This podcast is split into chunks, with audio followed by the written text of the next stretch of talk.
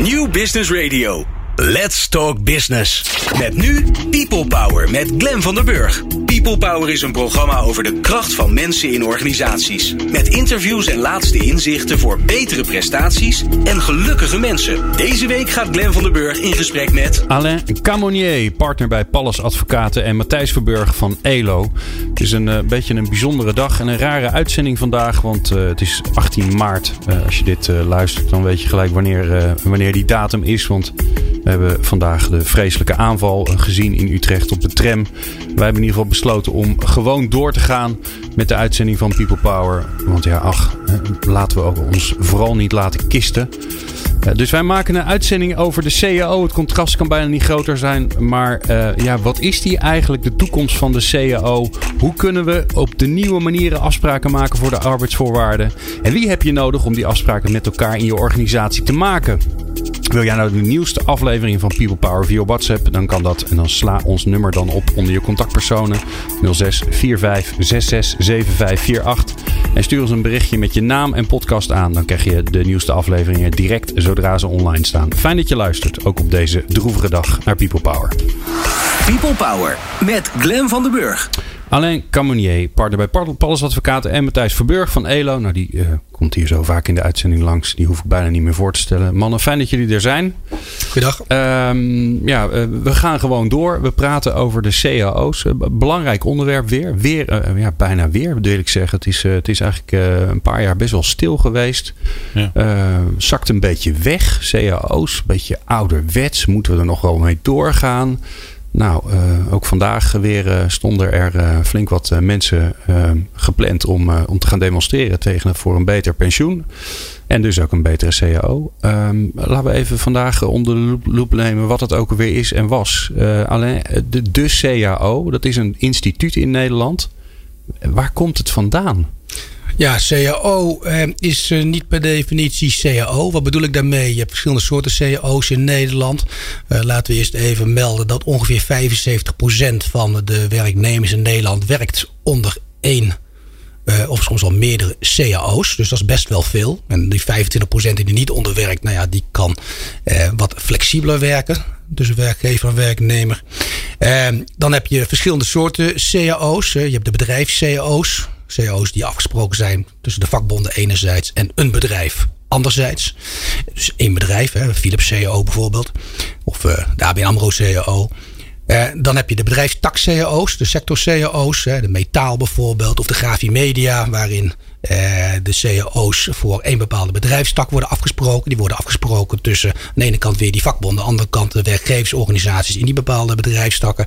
Uh, en dan bovenop heb je nog eens een keer de algemeen verbindend verklaarde cao's. Dat zijn de cao's voor bedrijfstakken die het ministerie zodanig van belang vindt dat die voor iedereen die in die bedrijfstak werkt geldt. Ongeacht of de werkgever nou lid is van een werkgeversvereniging of niet. Dus er zijn wel allerlei verschillende soorten cao's. Uh, de ene werkt net iets anders dan de andere, maar blijft gewoon het feit dat dat als collectief is afgesloten met de vakbonden. Ja, en, en, en simpelweg betekent het dat daarmee uh, de, de wetten, de regels die eigenlijk in die CAO staan, gelden voor iedereen die daaronder vallen. Correct. En dat scheelt natuurlijk een hoop gedoe en onderhandel. En, uh, en, ja. uh, en het is ook wel weer fair, zou je kunnen zeggen. Ja, dat is die idee er ook achter. Ja. ja. Um, ja, wat, uh, wat, is de, wat is de staat van die CAO de, de afgelopen tijd? Hè? Want dat heeft een heel belangrijk doel gediend. Uh, het is relatief rustig op de Nederlandse arbeidsmarkt als je dat vergelijkt met andere landen. Um, hoe is het er nu mee? Ja, kijk, ik, uh, als je het hebt over de staat van de CAO, dan zou ik hem eigenlijk door willen trekken en eerder gaan praten over wat is de staat van de vakbonden. Want uh, ja, de CAO's die worden afgesloten. CAO's is een overeenkomst, hè? een collectieve arbeidsovereenkomst. Dus dat is iets wat je afsluit voor een bepaalde periode, bijvoorbeeld voor, voor drie jaar.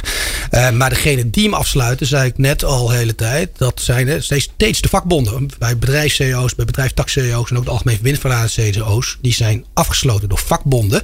En het gaat dus eigenlijk over de power van de vakbonden en de rol van de vakbonden die in Nederland eh, zodanig sterk is dat die CEO's ook worden afgesproken. En de vraag is: kan je zonder die vakbonden? Kan je op een gegeven moment zeggen: wij willen als bedrijf, of misschien wel als bedrijfstak, op een gegeven moment het zelf doen. En dan gaat het dus niet om: we willen geen CEO. Nee, we willen van die vakbonden af. Wij zien de vakbond niet meer als representant van de werknemer We snappen Gebeurt allemaal dat dat al? Gebe- Dat gebeurt al. Er zijn eh, bedrijven, Jumbo is daar een goed voorbeeld van, eh, die gezegd heeft van nou wij vinden de representativiteit van de vakbond binnen ons bedrijf te laag. Dus wij zien jullie niet als volwaardige partner om een CEO af te spreken. Wij doen dat liever met onze eigen mensen, lees eigenlijk met de ondernemingsraad. Eh, besef dat de wet daar eigenlijk niet in voorziet. En eh, dat eh, anders dan bijvoorbeeld in Duitsland het geval is, eh, is het primaat van, de, van, van, van de vakbonden zit in de primaire arbeidsvoorwaarden. En de ondernemingsraden zitten in de secundaire arbeidsvoorwaarden. Ehm, op het moment dat je dan inderdaad zegt, beste vakbond, we willen je niet aan tafel, zou je dus alleen maar kunnen zeggen van ja, je hebt gewoon te weinig leden. De grap is dat heel vaak als vakbonden dat horen, ze heel erg hun best gaan doen om meer leden te werven. Ja, en vaak lukt ze dat ook. Ja, ja. Ja, en dus? Dus die, die vakbonden, hè, nou die, eh, die, eh, dat instituut is natuurlijk eh, aan, het, aan het schuiven. Hè? Minder leden, eh, minder representativiteit. Ja. Ja, wat, wat betekent dat? Ja, nou dat is, dat is inderdaad wel een probleem. Dat vindt de vakbond zelf ook. Gemiddeld vakbondslid, zeg ik even heel kort de bocht, is eh, 50 plus, is man en is autochtoon. Dus een heel groot gedeelte van de Nederlandse beroepsbevolking wordt niet vertegenwoordigd door die vakbonden. En enige, het is wel dat als je het sociale beleid van Nederland bekijkt, dat eh, eigenlijk wordt neergelegd door aan de ene kant de werkgeversorganisaties, VNO-NCW voorop met MKB Nederland, aan de andere kant de vakbonden, CV, FNV, Unie. En als derde partij de regering, die zorgen voor het evenwicht. Dus op het moment dat je gaat zeggen, wij zien de vakbonden als niet meer representatief. Dus we willen niet meer met de vakbonden praten. Ja, wie vertegenwoordigt dan de werknemers? En wat er dan gebeurt op het moment dat je die stelling zou innemen. Dan zal een regering zeggen, ja, we gaan niet alleen maar met de werkgevers praten. Want als we niet met de werknemers praten, kunnen we ook niet met de werkgevers praten. Dus dan praten we maar met niemand. Dat is de reden dat op dit moment ook nog steeds de werkgeversorganisaties zeggen, ja, laat dan die vakbonden maar aan boord. Want anders zijn we zelf ook Ja, ja. de pineut. En Ja. dan eh, zitten we onszelf buitenspel. En dat zorgt ervoor dat we eigenlijk in Nederland eh, het hele overleg met vakbonden in stand houden. Eh, of, of ze nou representatief zijn of niet. ja. Dus eigenlijk, Geen alternatief. nee, eigenlijk zou er, zou er iets voor in de plaats moeten komen. Of iets naast moeten komen. Ja, en voor bedrijven, voor hè, individuele bedrijven zou je kunnen zeggen, nou, dat is dan de ondernemingsraad. Voor bedrijfstakken wordt het natuurlijk wel lastig. Waarom hebben die ondernemingsraden eigenlijk nooit tegen elkaar gezegd van... Goh, zullen wij, zullen wij samen iets oprichten? Want dan heb je het probleem opgelost. Nou, ja. Matthijs. Ik denk, dan ga je, ja, dan ga je te snel. Kijk, ik, ik, eh, want er zit ook bij ondernemingsraden inmiddels een heel eh, eh, raar mechanisme. Hè? Dus je ziet eigenlijk.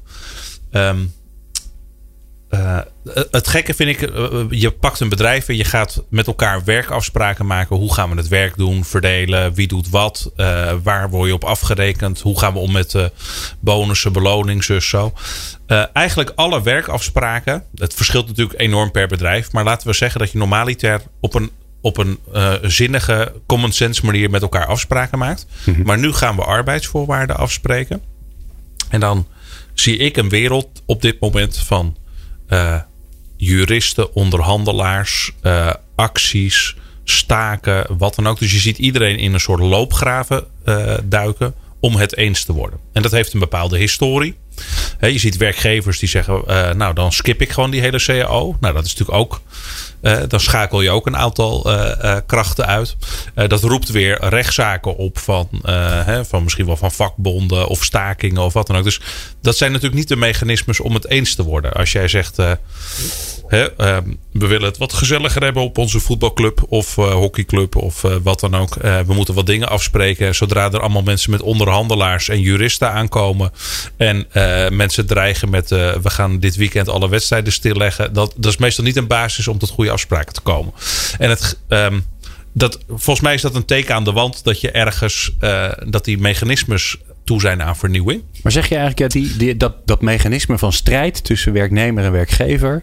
dat is iets van het verleden. Die, die, die Nou, ik- lopen ik- eigenlijk het- veel meer het, samen Het, is zo gegroeid. Hè? Dus je ziet bij... ehm, eh, als mensen een cursus krijgen, hè, ze worden OR-lid en ze gaan op cursus, dan leren ze hoe onderhandelingen met, met hè, samen met vakbonden tegen werkgevers bijvoorbeeld werken. Dus Mhm. iedereen wordt al eh, opgeleid in het spel, zeg maar. En de vraag is, eh, is dat wel het juiste spel? Hè? Past dat nog wel bij eh, andere werkverhoudingen tussen werknemers en werkgevers. Ehm, zelf was mijn eerste ervaring met een CAO in de in, begin jaren negentig. Werkte ik in een keuken in de horeca. Nou, die man die deed voorheen alles zwart. Toen heeft, kreeg je de Belastingdienst langs dus nu deed hij alles wit. Want hij moest geloof ik nog tien jaar belastingsschulden af gaan betalen. Uh, maar vervolgens trad in de horeca CAO een vernieuwing in. Op zondag zou je zondagtoeslag krijgen. En ik werkte op zondag. En ik zei, nou, dat is, dat is mooi. Hè? Ja. Dus ik zei tegen hem, nou, ik heb volgens mij uh, recht op wat meer loon bij de eerste loonbetaling. Toen zei hij, nee hoor, dat staat in de CAO, maar dat ga ik niet doen. Dat, uh, dus toen had ik ook iets van, nou, dit is dan Hè? Dit zou dan ons verre, neutrale uh, afsprakenstelsel moeten zijn. Maar hij negeerde dat volkomen. Ja.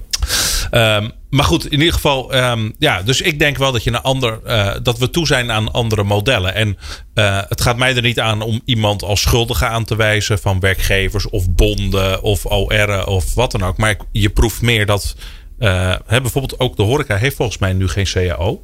Die zijn er gewoon helemaal niet uitgekomen met elkaar. Dus, nee, je hoort ook heel vaak dat, dat, dat er een CAO gewoon maar doorloopt. Uh, soms wel jaren. Ja. Omdat er gewoon niks nieuws is. Nee, en, en dan is de vraag een beetje van... zonder dat je zegt dat komt door die partij... of door dat die niet willen of niet vernieuwen of wat dan ook. Maar kun je met elkaar naar een ander model... waarin iedereen, hè, al die belangen wel weer terugkomen... maar je op een andere manier met elkaar aan de slag gaat. Ja. Nou, dat is een spannende vraag, Matthijs. Ja, dus daar moeten we het zo meteen zeker over hebben. maar ik proef wel dat um, ook bij veel werkgevers, hè, bij MKB-bedrijven, proef ik gewoon heel erg dat niemand bezig is met bonden, cao's, wat dan ook. Dus daar wordt alles met de werkgever uh, veel meer besproken. Bij grote bedrijven proef ik dat iedereen het, die hele arbeids, die rechtspositie met die cao's, iedereen loopt erop leeg. Uh, iedereen laat zich ook vol met negatieve energie. Want daar moeten we iets aan gaan doen. Nou, let maar op wat we gaan krijgen. Hè. Dus iedereen anticipeert al op heel veel ellende van de andere partij.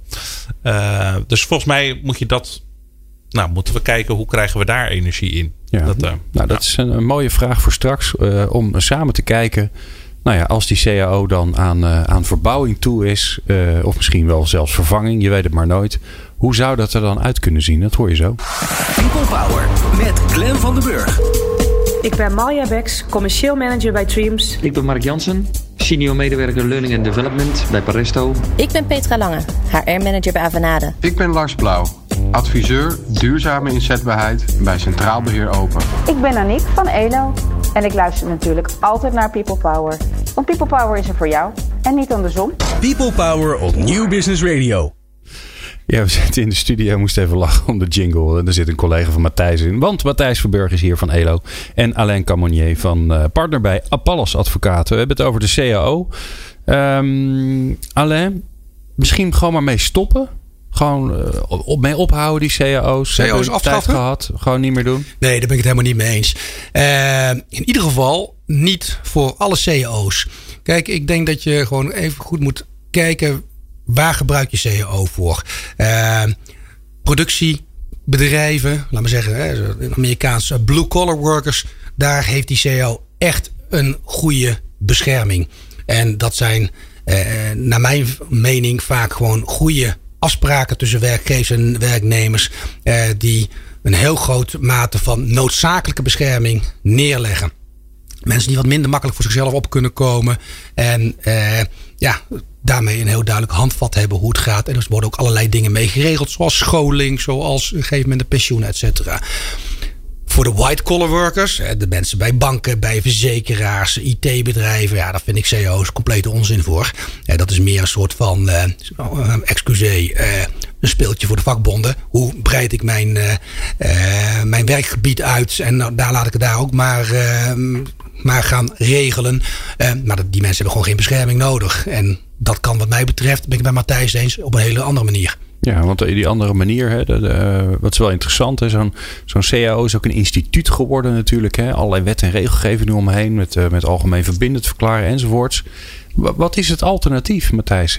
Zie jij ergens iets waarbij je zegt, nou... Dat... Nou, ik, ik, heb, ik, ja, ik, ik denk zelf wel. Want uh, wat Alain zegt, ben ik het wel mee eens... dat bepaalde hè, doelgroepen misschien goed beschermd moeten worden. Hè, omdat ze minder uh, hun eigen belangen kunnen representeren. Of omdat er misschien werkgevers zijn hè, die uh, als een cowboy te werk gaan... en misschien voor onveilige of onwerkbare situaties zorgen. Maar dan kan je houdt het probleem dat dan de vraag is: wie gaan dan met elkaar om de tafel zitten om dat af te spreken?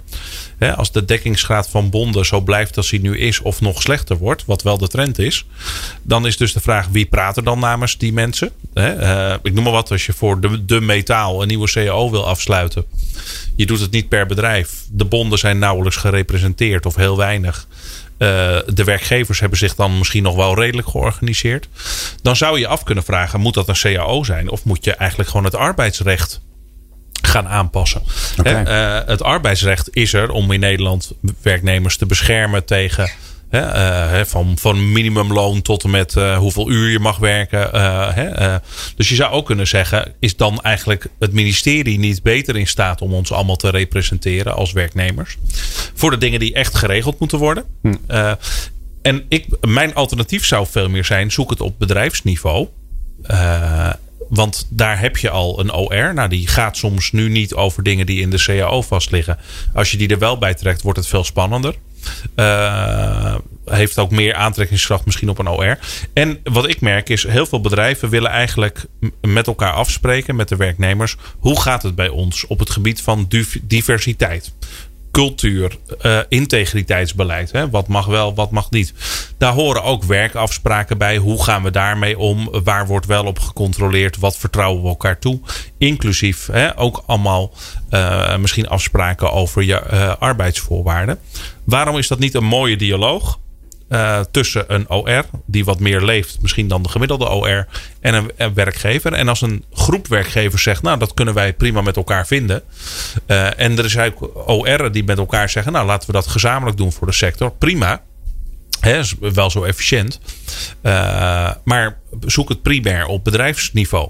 En dan kunnen we straks misschien hebben over: heb je nog misschien hulp met uh, uh, experts nodig om, om dat tot een goed einde te brengen? Maar, maar dat... eigenlijk haal je dus die hele laag ertussen uit. Zo zie ik het een beetje voor me. Je hebt arbeidsrecht, je hebt de CAO en je hebt meer de, de, de lokale bedrijfsmatige afspraken die je maakt. Ja. Haal die CAO op een aantal plekken ertussen uit. Regelen, regel wat meer in het arbeidsrecht. Ja, de dingen waarvan Collectief. je echt zegt waar mensen beschermd moeten worden. Maar ik ben, wat, ik ben geen jurist, die zit naast ons. Nee, dus daarom, dus die ziet dat misschien heel moeilijk. Maar nou, ik, ik, ik zou benieuwd. zeggen, het arbeidsrecht is er om ons echt te beschermen voor uitbuiting, slechte werkomstandigheden. Uh, noem het allemaal maar op. Ja.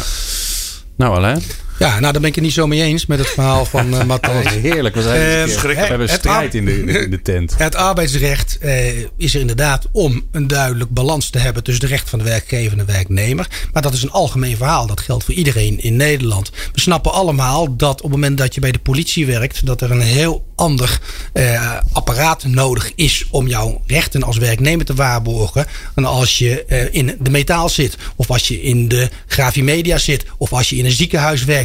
Nou, daar zijn nou dit die cao's voor, die dat algemene arbeidsrecht heel erg toespitsen op de bedrijfstak waar jij zit. En dat je dan inderdaad kijkt van ja, hoe zit het met uh, mijn overuren? Hoe zit het met mijn werktijden? Je, je ziet dat in uh, ziekenhuis-CEO's hele andere overwerkregelingen zijn dan als je dat ziet in de retail. En dat snappen we allemaal. Hè? Ja. In de retail werk je s'avonds of in, uh, in het weekend eventjes. Maar het is wat anders dan de oproepdiensten die noodzakelijk zijn in de gezondheidszorg. Dus je gaat van algemeen, het arbeidsrecht, naar bijzonder specifiek de bedrijfstak.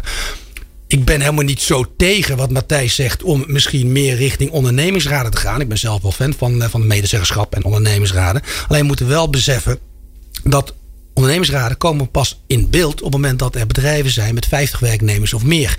Dat wil zeggen dat als je zegt, nou we laten het over op de, aan de bedrijven zelf, op bedrijfsniveau, dat je dan al die kleine bedrijfjes, ja, die zijn dan eigenlijk vogelvrij. Um, en dat zijn vaak ook wel bedrijven die, als we dan metaal maar weer als, als voorbeeld nemen, kleine lastbedrijfjes, kleine metaalbewerksbedrijfjes, carrosseriebedrijven, dat soort, dat soort zaken waar best wel veel mensen werken, maar komt bij lange niet aan de 50. Ja, die hebben toch wel ook weer een bepaalde mate van bescherming nodig. Al is het maar op gebied van veiligheid bijvoorbeeld. Maar, maar, maar, wie gaan hem dan afsluiten? Want nu zie je dat hè, in een heleboel sectoren er een paar procent van het personeel vertegenwoordigd wordt door vakbonden. Dan heb je werkgevers aan de andere kant. Moeten die gewoon maar met elkaar cao's blijven sluiten dan? Nou ja, dat is dus inderdaad de vraag. De vraag is namelijk niet, moet je CEO's blijven afsluiten? De vraag is, wat is de rol van de vakbonden? Daar blijf ik eigenlijk op zitten. Maar stel dat het blijft zoals het nu is. En er is eerder een dalende trend qua representativiteit dan een stijgende. Ehm, is het dan eigenlijk wel verantwoord dat zij uh, aan tafel zitten en praten? Nou, dat vind ik een hele goede vraag. Kijk, ik ben uh, zelf niet zo'n vakbondsfan. En ik zou me kunnen voorstellen, maar nu ga ik wel heel erg een beetje in de ruimte en in de toekomst kijken. Nou, dat is ook maar wel leuk. Maar dat is allemaal wel leuk natuurlijk. Ik zou me kunnen voorstellen dat je dan op een gegeven moment zegt: we pakken een aantal grote partijen. En daar de ondernemingsraden van, die gaan bij elkaar zitten. En die nemen dan in gevallen waar de vakbond niet voldoende representativiteit heeft, nemen de rol van de vakbond over. Dat zou bijvoorbeeld kunnen. Maar bedenk natuurlijk wel, het zijn werknemers hè, die in de ondernemingsraad zitten. Het zijn geen beroepsonderhandelaars. Het zijn geen uh, beroepsjuristen uh, of uh, beroepsconsultants die daar zitten. Het zijn mensen die in hun bedrijf uh, wat dan ook doen, controllers zijn of in de postkamer werken of uh, lasser zijn of verzin het maar. En ja. die hebben gewoon een baan. En dan zou je aan die mensen opeens zeggen: jij krijgt de verantwoordelijkheid om iets te roepen over niet alleen je eigen bedrijf, maar over misschien wel een heel groot gedeelte van de bedrijfstak. Uh, ga je dan niet iemand die controller is of lasser opeens wel heel veel verantwoordelijkheid geven op een vakgebied waar die nooit voor geschoold is en toevallig gekozen is in zijn ondernemingsraad. Moet het misschien gewoon weer een keer flink misgaan? Moet het niet gewoon. We hebben het een paar jaar geleden in de schoonmaak gezien. Hè? Daar, daar, daar was echt het totaal scheef gegroeid. Uh, veel werkgevers die, uh, ja, die, die totaal doorgeschoten waren met de tijd die mensen kregen, de hulpmiddelen die ze kregen, de betaling die ze kregen. Daar is het echt misgegaan. Daar heeft de vakbond, die handschoen hebben ze opgepakt. En daar is echt een betere sector uit voortgekomen. Dus dan wil niet zeggen dat het allemaal nu koek en ei is, maar het is echt de goede kant op gegaan. Dus misschien moet het ook gewoon weer eens helemaal misgaan. Hè? Zolang het natuurlijk allemaal redelijk pais en vree is, ja, dan denkt iedereen, ja, waarom zou ik dat lidmaatschap van, dat, van die vakbond nog betalen? Het gaat hartstikke goed. Ja. Nou ja, ik denk, denk, dat Jumbo daar een voorbeeld van is. Waarbij op een gegeven moment de, de werkgever uh, zegt van nou, wij willen niet meer met jullie praten. En de werknemers zeggen, dat vinden wij goed. Kijk, en daar gaat het vaak fout. Ik ben zelf regelmatig betrokken geweest bij vakbondsonderhandelingen. Waarbij werkgevers zeiden van nou jongens, uh, jullie hebben gewoon amper representativiteit hier. We hebben denken dat ja. jullie weten het allemaal niet. Hè? Maar, uh, want je, je hoeft natuurlijk niet vertellen als je vakbondslid bent. Maar we denken dat jullie maar 3%, misschien wel 2% leden hebben. Um, en wij gaan dus niet met jullie praten.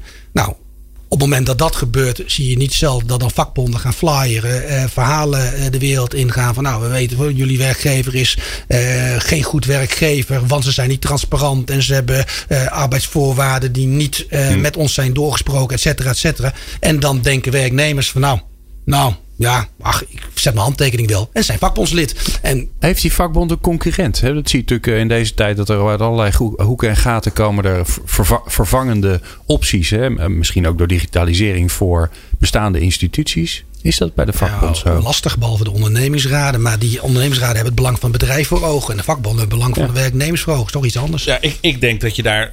Um, best nieuwe vormen voor zou kunnen verzinnen. Hè? De, een soort ondernemingsraad plus. Waarin je gewoon mee kunt stemmen en allemaal dat soort dingen. Uh, hè? Het, het punt van ze hebben niet voldoende expertise. Dat klopt. Maar het is toch gek dat er niet gewoon maar een van die de kan je medewerkers... inhuren volgens mij. En ik zie ook bij heel veel bonden het gebrek aan expertise op sommige gebieden. Dus, uh, uh, dus um, en het, het, volgens mij is ook wel een issue. Um, die bonden die hebben hun eigen voortbestaansdiscussie. Die hebben veel vertrouwen van uh, veel, uh, hè, zeker bepaalde groepen medewerkers. Maar die vinden het, het lidmaatschap niet waard dat er onderhandeld wordt door de bond. Want die CAO komt er toch wel, ja. ook als ik geen lid ben. Ja. Dat is het verhaal.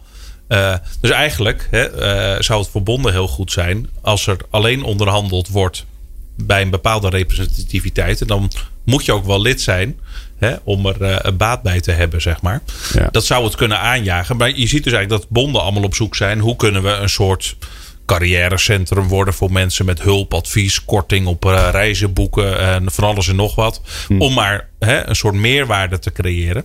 Uh, dus die zijn met hun zoektocht bezig. Uh, zo zijn we allemaal een beetje met zoektochten bezig van wie representeert wie eigenlijk. Terwijl, ja, ik denk zelf, als je gewoon uit kunt leggen voor, aan mensen. Uh, als we deze uh, uh, nieuwe regel gaan invoeren in jouw bedrijf of in jouw bedrijfstak, stem er eens even op wat je ervan vindt. En je legt aan mensen duidelijk uit wat de implicaties ervan zijn. Hè, als we dit doen, we gaan meer overwerkvergoeding betalen. Maar dat betekent wel dat het scholingsbudget kleiner wordt. Wat vind je ervan?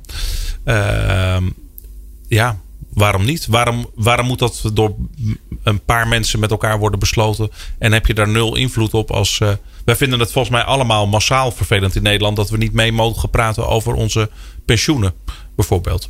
En uh, dat als je verhuist van de ene werkgever naar de andere, je ongevraagd in allerlei pensioenregelingen terechtkomt. Terwijl je zegt dat wil ik liever gewoon uh, op mijn eigen manier doen wordt iedereen maar ZZP'er om het te ontvluchten. Dat is, kan ook niet de bedoeling zijn. Zeg maar. Nee, dat, nee maar er zit ook een stukje algemeen belang in. Hè? Het is natuurlijk niet alleen maar het belang van de werknemer. Het is ook ons algemeen belang om ervoor te zorgen dat als mensen op een gegeven moment klaar zijn met werken en met pensioen gaan, dat er een pensioen is. En dat niet mensen zeggen, nou ik heb ervoor gekozen om een zomerhuisje te kopen in plaats van pensioen op te bouwen. Ja. Uh, dus ook om te zorgen dat bepaalde bedrijfstak uh, veilig is, om, dus omdat we niet uh, allerlei ongevallen willen hebben. Ondanks het feit dat misschien de werknemers zeggen: ik heb liever meer loon uh, dan dat we een uh, nieuwe veiligheidsklep hebben op onze fabriek. Nou, je kan van alles verzinnen. Maar ja. in ieder geval, dat algemeen belang speelt natuurlijk ook wel een grote rol. En het is niet alleen maar mijn belang als werknemer of het collectief belang als werknemer ten opzichte van het belang van de werkgever. Het algemeen belang speelt wel degelijk een rol.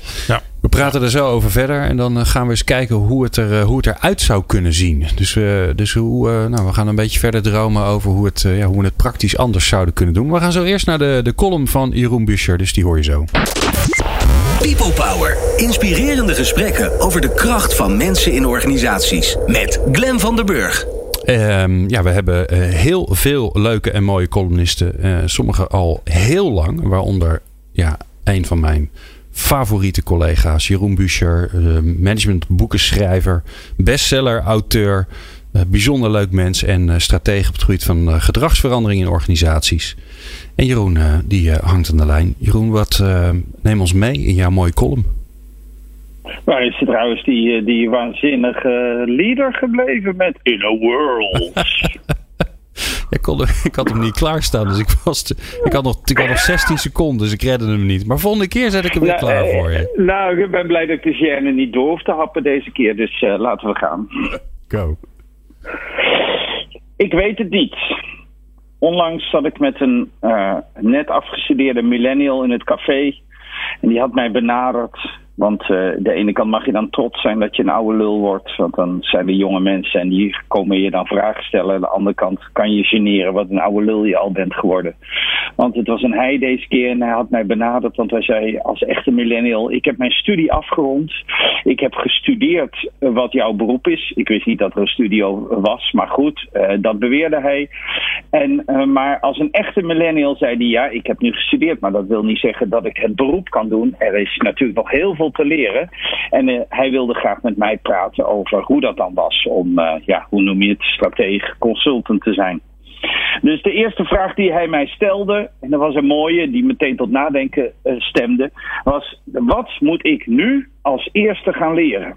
Dus wat moet ik leren terwijl ik heb geleerd hoe je je vak doet? En het was even stil, dat is bij mij niet zo vaak. En toen zei ik: ik weet het niet. En toen zei hij, oh jammer, je weet het niet. En op dat moment realiseerde ik me, dat wat wel vaak gebeurt, is dat je soms getuige bent van je eigen gedachten of van je eigen woorden.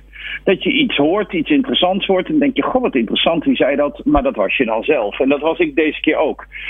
Ik weet het niet. Ik zei: nee, nee, nee, nee. Het gaat er niet om dat ik het niet weet. Ik realiseer me, doordat jij me die vraag stelt, dat wat je moet leren, of wat ik de laatste twintig jaar heb geleerd, is te leren zeggen: ik weet het niet. Ik ben iemand die heel erg uitstraalt dat hij het weet. En waarschijnlijk ben ik daarom ook adviseur, consultant, stratege of guru geworden. Ik vertel met grote stelligheid hoe de wereld in elkaar zit. Maar ik ben me de afgelopen twintig jaar gaan realiseren dat de werkelijke toegevoegde waarde voor mijn vak is en ik kom straks bij uw vak, is te leren zeggen: Ik weet het niet. Je staat voor de deur en achter die deur, daar zitten ze. Je opdrachtgever, de groep, de klant, andere mensen, wie dan ook. Misschien is het zelfs wel een CRO-onderhandeling. En voor die deur weet je, als ik binnenkom, dan gaan ze me vragen: wat is er aan de hand? Wat moeten we doen? Wat moet er nu gebeuren? En je neiging is als professional om het te weten. Maar we zitten in een wereld die fundamenteel anders is geworden en niet meer kan bouwen op vaste waarheden. En het eerste wat ik heb moeten leren die afgelopen 25 jaar in mijn vak is de moed om daar binnen te stappen en dan te zeggen op de vraag wat moet er gebeuren. Ik weet het niet. Om dan vervolgens te zeggen, maar we gaan er samen zeker achter komen. En ik durf je te wedden, dan vinden we ook nog iets wat we kunnen gaan doen, wat mogelijk gaat leiden tot een oplossing. En ik denk dat in deze wereld, met al zijn beweging, het steeds belangrijker wordt dat we als professional allemaal leren zeggen: Ik weet het niet. Niet vooraf al weten wat de bedoeling is, niet vooraf al weten wat de oplossing is, maar elke keer weer vol verbazing in een context stappen, dingen herkennen maar niet je oordeel baseren op dat wat je al herkent. En je steeds weer afvragen: wat zouden we hier kunnen doen? En of we dan hebben over een project waar we op dinsdagochtend instappen. Of we dan hebben over een adviseur die bij een klant komt. Of dat we dan hebben over onderhandelingen voor een CAO.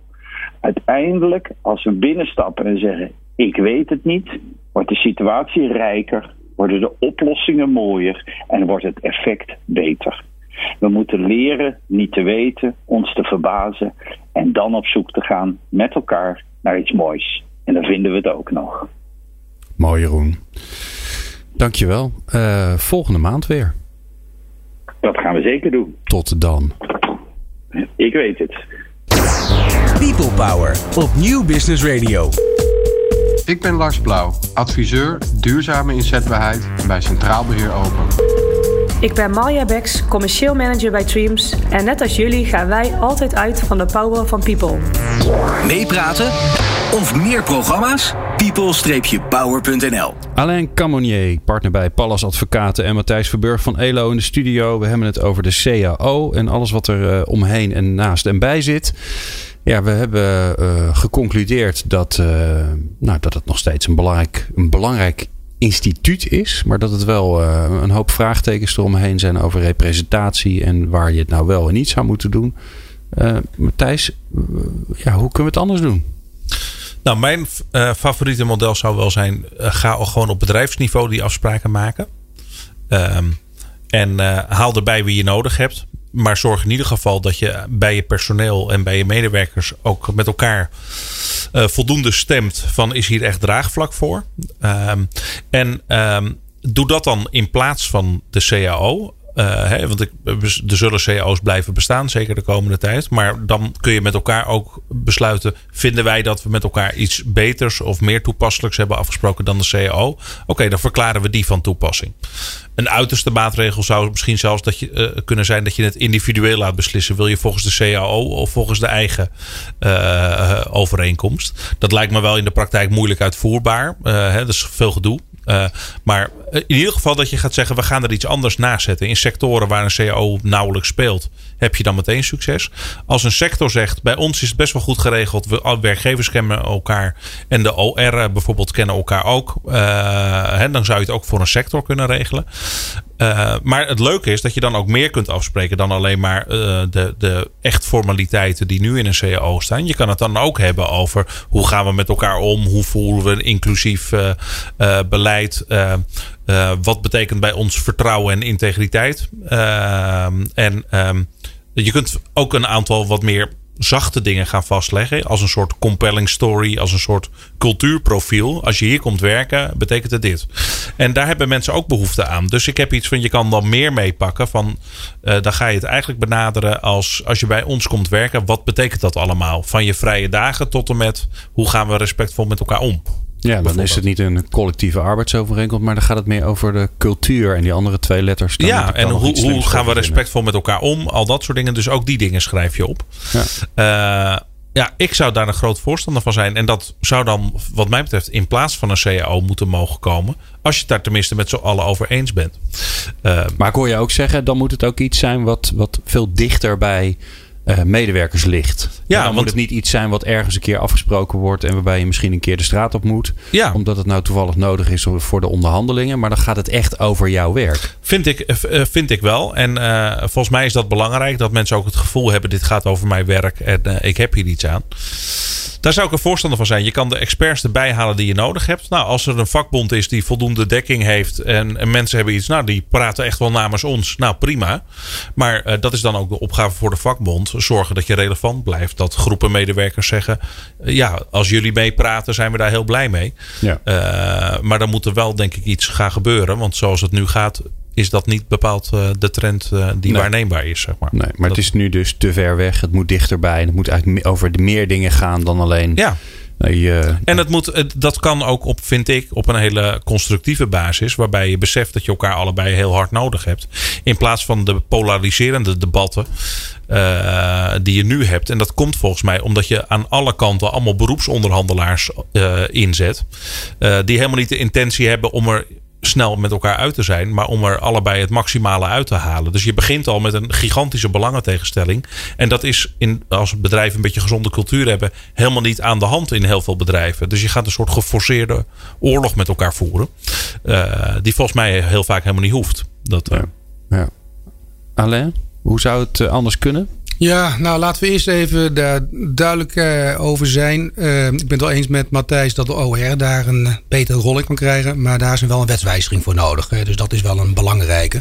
Daarnaast zijn Rome en Parijs ook niet op één dag gebouwd. Ehm, ik zou er voorstander van zijn dat je inderdaad veel meer gaat kijken van wat kan de rol van de ondernemingsraad zijn. In het kader van collectieve arbeidsvoorwaarden moet er wel een ondernemingsraad zijn natuurlijk. want de ondernemingsraad is ook gewoon gekozen door de werknemers. Dus moet wel een beetje een werkgever zijn met voldoende body. Uh, en uh, op het moment dat die mogelijkheid daar is, uh, zorg er dan voor als werkgever dat je op een gegeven moment zegt van nou, ik ben een werkgever die bijvoorbeeld niet uh, in een bedrijfstak CEO zit.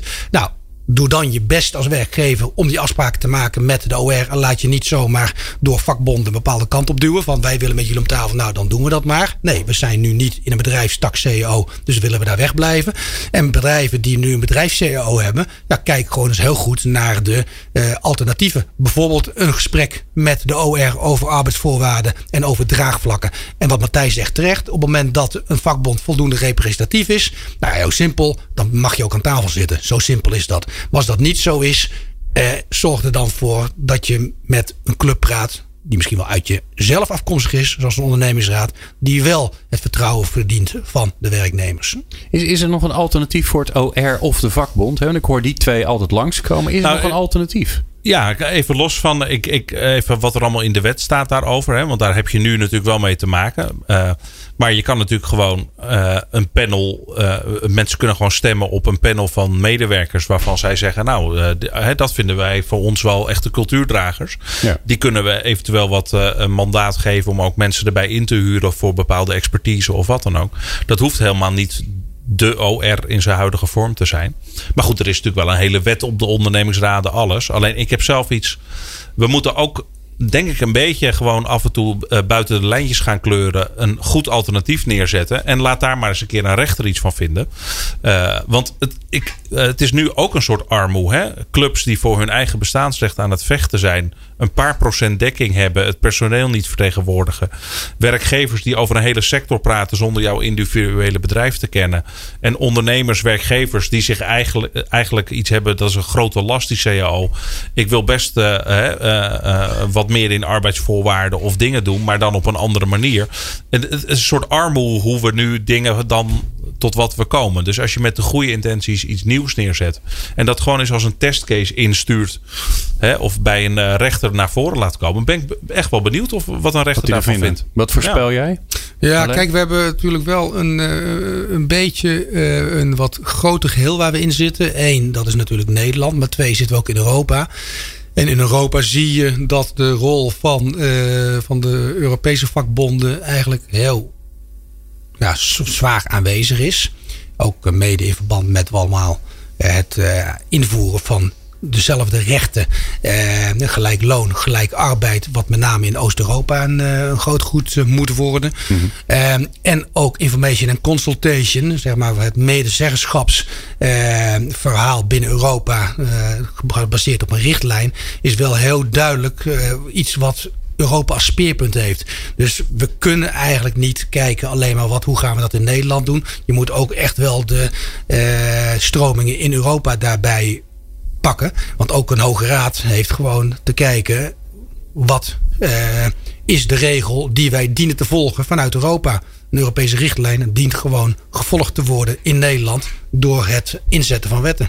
Nou, eh, eh, laatste onderwerp, hè, want we zijn ook bijna de tijd heen. Um, dus, dus even kort, ik zie wel een rol voor de ondernemingsraden, omdat die ondernemingsraden ook door Europa worden gesteund. Ja, ja die passen, Die passen in het goed, systeem. Oké, dan is dat ons vehikel. Ons paard van Troje voor de verandering. Hmm, kijk, uh, Matthijs. Nou ja, wat ik me wel voor kan stellen. En, en, en dat, uh, het gaat nog niet zo heel hard. Maar je begint nu toch al langzaamaan een beetje uh, bijvoorbeeld Glassdoor op zien komen. Hè, waarbij gewoon medewerkers hun, uh, hun bedrijf raten. En zeggen, nou, ik heb daar gewerkt. Het was vreselijk of het was fantastisch. Ja. Uh, dat gaat nog heel langzaam, vind ik eerlijk gezegd. Als je het vergelijkt met alle andere rating sites. Dan denk ik, nou ja, werk is belangrijk in ons leven. Maar daarvan zeggen wat we ervan vinden, dat vinden we blijkbaar nog heel spannend. Maar ja, als die transparantie er echt komt. En dan kan dat natuurlijk ook wel wat, uh, wat gaan betekenen voor, voor organisaties. En, en voor de veiligheid die mensen voelen in een bedrijf. Zeker. Ja, en volgens mij is dat al gaande. Want je ziet ook gewoon uh, een, een heel uh, groep mensen bewust kiezen voor... ik word zelfstandig ondernemer. Want ik heb helemaal geen zin om uh, bij deze organisaties te werken. Dus dat is in Nederland zeker een grote groep. nou, ik weet niet hoe dat precies internationaal zit. Maar volgens mij kom je er steeds... kijk, laat ik zo zeggen. Werkgevers die eigenlijk niet iets voor je willen betekenen als werknemer, maar je als een kostenpost zien waar je alleen maar op moet bezuinigen. Uh, de, continu de regels overtreden ten aanzien van veilig werken of respectvol met elkaar omgaan of wat dan ook. Ja, die, die zijn er wel, maar die moet je natuurlijk enerzijds met transparantie afstraffen. In de zin van dat niemand er meer wil werken. Of eigenlijk je wetgeving opschalen. Dat je iets hebt van. Hè, als je bij ons kijkt uh, hoe het in de bouw geregeld is met veiligheid. Ik was uh, afgelopen jaar op vakantie in Vietnam. Zag ik hoe ze aan het bouwen waren. Ja, nou, dan ben je blij dat we in Nederland uh, de wetgeving op een ander niveau hebben.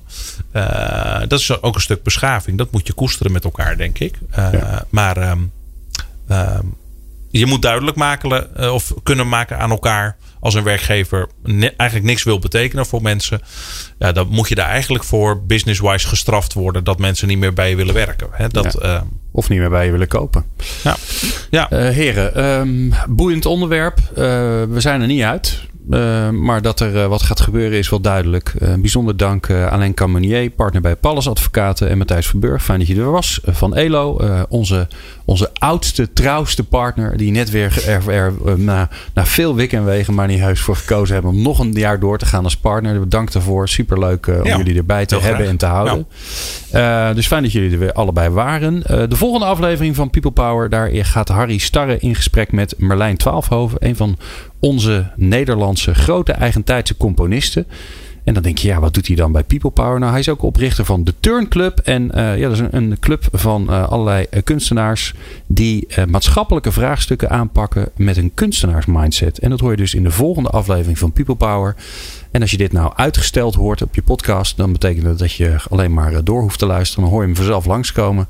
En als je hem los ergens aan het luisteren bent, ga dan naar peoplepower.radio. Daar vind je alles. Fijn dat je luistert. Meepraten of meer programma's? people-power.nl